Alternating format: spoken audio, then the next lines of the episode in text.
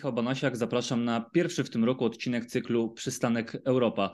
W ciągu ostatniego roku europejska dyplomacja, zwłaszcza środkowoeuropejska, bardzo dużą część swoich zasobów pożytkuje na kwestie związane z wojną rosyjsko-ukraińską. W ostatnim czasie te zabiegi dyplomatyczne dotyczyły przede wszystkim lobbowania na rzecz coraz to mocniejszego wsparcia ukraińskiego wojska, a przede wszystkim dostaw czołgów. No i jak wiemy, ostatecznie decyzja o tym, żeby leopardy trafiły na front, trafiły w ręce ukraińskich żołnierzy, żołnierzy zapadła. O tym, jaka jest w tym rola polskiej dyplomacji i o tym, jak w ogóle wygląda kwestia pracy dyplomatów w czasie wojny, porozmawiam z Witoldem Juraszem, dziennikarzem, publicystą portalu Onet, a co ważne w kontekście naszej dzisiejszej rozmowy, także byłym dyplomatą, w tym charge d'affaires na Białorusi. Dzień dobry.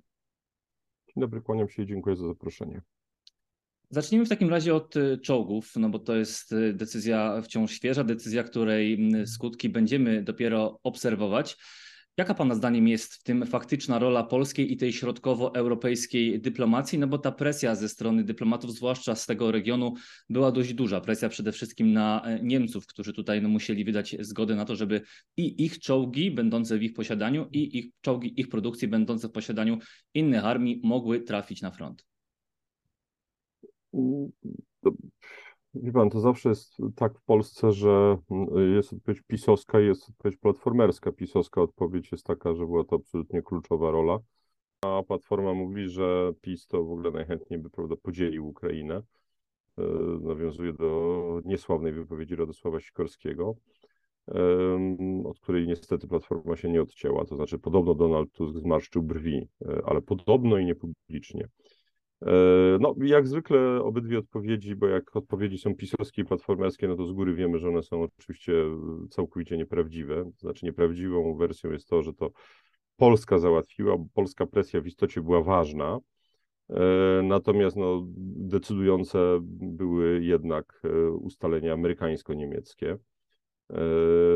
No ale nieprawdą jest też ta wersja platformerska, to znaczy, że to nie miało znaczenia, bo miało znaczenie. E, bo rzeczywiście Polska jest tutaj tak w porpoczcie. Zastrzeżeniem, że mm, ja bym też e, nie sprowadzał pomocy dla Ukrainy do kwestii czołgów, e, czy w ogóle do kwestii broni, bo Ukraina, żeby przetrwać tę wojnę, potrzebuje oczywiście broni, ale potrzebuje również pieniędzy. I tak jak Polska na pewno jest jednym z liderów tej pomocy wojskowej oraz pomocy humanitarnej, z zastrzeżeniem, że wojskowej pomocy to też e, nie możemy mieć złudzeń, że w miarę upływu czasu my w tych statystykach będziemy coraz niżej, e, dlatego że dostarczyliśmy bardzo dużo sprzętu, ale też sprzętu, który no, nie jest wysoko wyceniany, bo stare T-72 po prostu nie mają wysokiej wartości. Jeden system przeciwlotniczy jest więcej warty od 100 czołgów w sensie finansowym, natomiast oczywiście w sensie militarnym to troszeczkę już inaczej wygląda. E, natomiast w sensie finansowym, wracając do, do, do głównej myśli, no to oczywiście ta nasza pomoc już nie jest aż, aż taka, no bo nie mamy aż tylu yy, pieniędzy. W takim razie idźmy dalej, bo w reakcji na decyzję o dostawach e, czołgów mamy oczywiście wypowiedzi rosyjskich dyplomatów, którym wtórują dyplomaci chińscy. Wpisał się w to też były prezydent USA Donald Trump, że to jest eskalacja, że to jest przekroczenie kolejnej czerwonej linii. Donald Trump nawet popełnił taki e, wpis, że najpierw czołgi, a później atomówki. E, na ile to jest kolejny etap takiego straszenia, takiej retoryki? Mm, wywoływania presji na właśnie opinii międzynarodowej, a na ile to jest faktyczne przekonanie, że to jest przekroczenie jakiejś mm, czerwonej linii, która no nie była e, wytyczona, ale gdzieś pewnie dyplomatycznie mm, obowiązywała obie strony tego e, konfliktu. Myślę, że tu kilka jest wątków, to znaczy o Trumpie może dwa słowa. Ja pamiętam rozpacz e, Y, rządzących, tudzież propagandistów obozu rządzącego, kiedy Joe Biden wygrał wybory, no to voilà, mamy Donalda Trumpa. Y, pewnie wypadałoby się uderzyć w piersi, tak samo jak y, polityką z kolei Platformy wypadałoby uderzyć się w piersi zapowiedzi Radosława Sikorskiego. Nie należy się tego spodziewać ani z jednej, ani z drugiej strony, bo te partie się kłócą o to, która jest bardziej inteligencka. W istocie mm, są to zawody, w która jest bardziej ćwierć inteligencka. E, taka przykra, e, przykra konstatacja. E, jak chodzi o czołgi, no to mm, czołgi są symbolicznie bardzo istotne, bo jeżeli spojrzeć na Hajmarsy czy MLRS-y, czyli te gąsienicowe odpowiedniki, poprzedniki tak naprawdę Hajmarsów, chociaż one tymi samymi rakietami strzelają, to, mm, to przecież w gruncie rzeczy ich potencjał ofensywny był nie mniejszy, był większy tak naprawdę i znaczenie, które ten sprzęt odegrał, było mm, większe, a w ogóle największe znaczenie to odgrywają te satelity amerykańskie, które cały czas powodują, że Ukraińcy w real time widzą, gdzie Rosjanie są, a Rosjanie nie widzą, gdzie są Ukraińcy, prawda? No i to powoduje, że My się możemy niepokoić e, mobilizacją, my się możemy niepokoić kierowaniem kolejnych rosyjskich oddziałów na Białoruś, ale równocześnie wiemy, że żaden atak zaskoczenia nie zostanie wyprowadzony, bo nie da się wyprowadzić ataku zaskoczenia przy takim zwiadzie satelitarnym. Prawda? No ale psychologicznie, pewnie też politycznie to jednak jest duży krok, zwłaszcza. Tak, no ale psychologicznie rzeczywiście, rzeczywiście tak jest. Y, y, zresztą opowieści o śmierci czołgów, o końcu epoki czołgów okazują się jednak przedwczesne, y, czy też w ogóle całkowicie chybione, może należałoby raczej powiedzieć. Te czołgi nie, nie spowodują jakiejś e, zmiany na, na froncie o 180 stopni. My cały czas mówimy, no nie wiem, to powiedzmy, że będzie ich 150-200, tak? To jest znacząca siła, ale to nie, nie, nie, nie, nie odmieni jakoś fundamentalnie losów tych e, wojny, tej wojny. Natomiast e, Wydaje mi się, że no, po pierwsze myśmy wiedzieli, że te czołgi zostaną dostarczone. Zresztą, przepraszam, że tu się pochwalę, ale ja y, miesiąc przed tą, y, przed tą całą epopeją leopardową napisałem, że Niemcy oczywiście nie, nie jest pewne, że same dołączą, ale raczej zakładam, że dołączą. Natomiast z całą pewnością nie, zablo y, nie zablokują możliwości dostawy leopardów, no bo po prostu tak jakbym nie przesadzał z polską niepodległością, yy, tak też nie przesadzałbym jednak z odpornością Niemiec na amerykańską presję. To znaczy, jak Amerykanie yy, uderzą pięścią w stół, to Niemcy ustąpią. Różnica polega na tym, że jak że Amerykanie uderzają pięścią w stół i muszą równocześnie Niemcom coś dać, żeby Niemcy podjęły taką decyzję, jak Amerykanie chcą. W naszym wypadku nie muszą nawet uderzać pięścią w stół, wystarczy, że ambasador zmarszczy brwi, i wtedy, że tak powiem, e, super twardziele, niezależnie od która partia rządzi, natychmiast robią wszystko to, co, to czego się od nich oczekuje. E, dla jasności, ja się bardzo cieszę, że Amerykanie są tutaj, ale chciałbym, żebyśmy się troszkę szanowali. Oczywiście tam, gdzie należy się szanować, a nie w głupotach. Wiemy, to jest tajemnica Poliszynela, że piloci ukraińscy się od pół roku już szkolą. E, na F-16. W związku z tym e, to nie jest żadne zaskoczenie, to jest e, po prostu pewna sekwencja, mająca również na celu powolne przyzwyczajanie Rosjan do, do tego, że te dostawy są coraz dalej idące. No bo generalnie nie wierzymy w te groźby nuklearne, ale równocześnie Zachód nie może ich tak całkowicie zupełnie zignorować. I dlatego idzie taka sekwencja z zastrzeżeniem, że znowu Proszę zwrócić uwagę, że to mm, armia ukraińska jest dozbrajana, armia ukraińska chwilami uzyskuje przewagę, ale nigdy Zachód nie daje Ukrainie tyle sprzętu, żeby Ukraina mogła przejść do jakiejś takiej ofensywy, żeby po jednej ofensywie była druga ofensywa i trzecia ofensywa. E, z tego wynika, że generalnie założenie jest, że tym stanem pożądanym na, e, na, na froncie jest lekka przewaga Ukraińców, ale lekka, bardziej powiedziałbym, bliżej pata niż zwycięstwa ukraińskiego, dlatego że pat to jest dokładnie ten moment, e, kiedy obie strony e, w którymś momencie e, zapewne, znak mały zapytania, usiądą do stołu rozmów, a ta wojna skończy się przy stole rozmów. To, że to się nie dzieje, to nie jest nic zaskakującego. Po prostu obie strony muszą być dostatecznie mocno wymęczone, żeby chcieć usiąść do stołu rozmów. Ja mam wrażenie, no, że w ostatnim czasie przez to, ile się dzieje właśnie takich zabiegów dyplomatycznych, przez to, że mamy okres mm. wojny, to że możemy jak nigdy popatrzeć sobie e, na pracę dyplomatów, e, w tym sensie, że bardzo dużo tej pracy rzeczywiście widać, dużo się o tym mówi. Widzieliśmy też, że jeśli chodzi o te czołgi, no to Amerykanie zobowiązali się do dostarczenia Abramsów, więc widzimy takie e, deale, które e, rozgrywają się na naszych oczach, a nie gdzieś za kulisami. Czy rzeczywiście ten, ten okres wojny to jest taki wzmożony czas dla, dla dyplomatów? Rzeczywiście jest tej pracy więcej, więcej spotkań, więcej różnego rodzaju obietnic, więcej biznesów do ugrania, nie tylko związanych z wojną, no bo przy okazji pewnie można ugrać coś takiego dla siebie dookoła tego wojennego klimatu.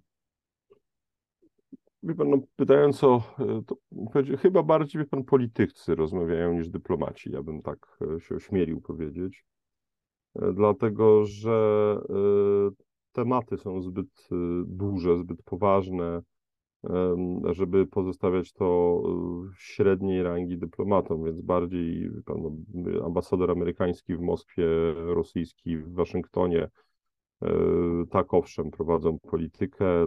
Nasz ambasador w Moskwie jest aktywny, rosyjski w Warszawie w psuciu relacji również, e, w dodatkowym, że tak powiem, psuciu. E, natomiast ja bym nie przeceniał naszej i pańskiej, i mojej E, pospołu, e,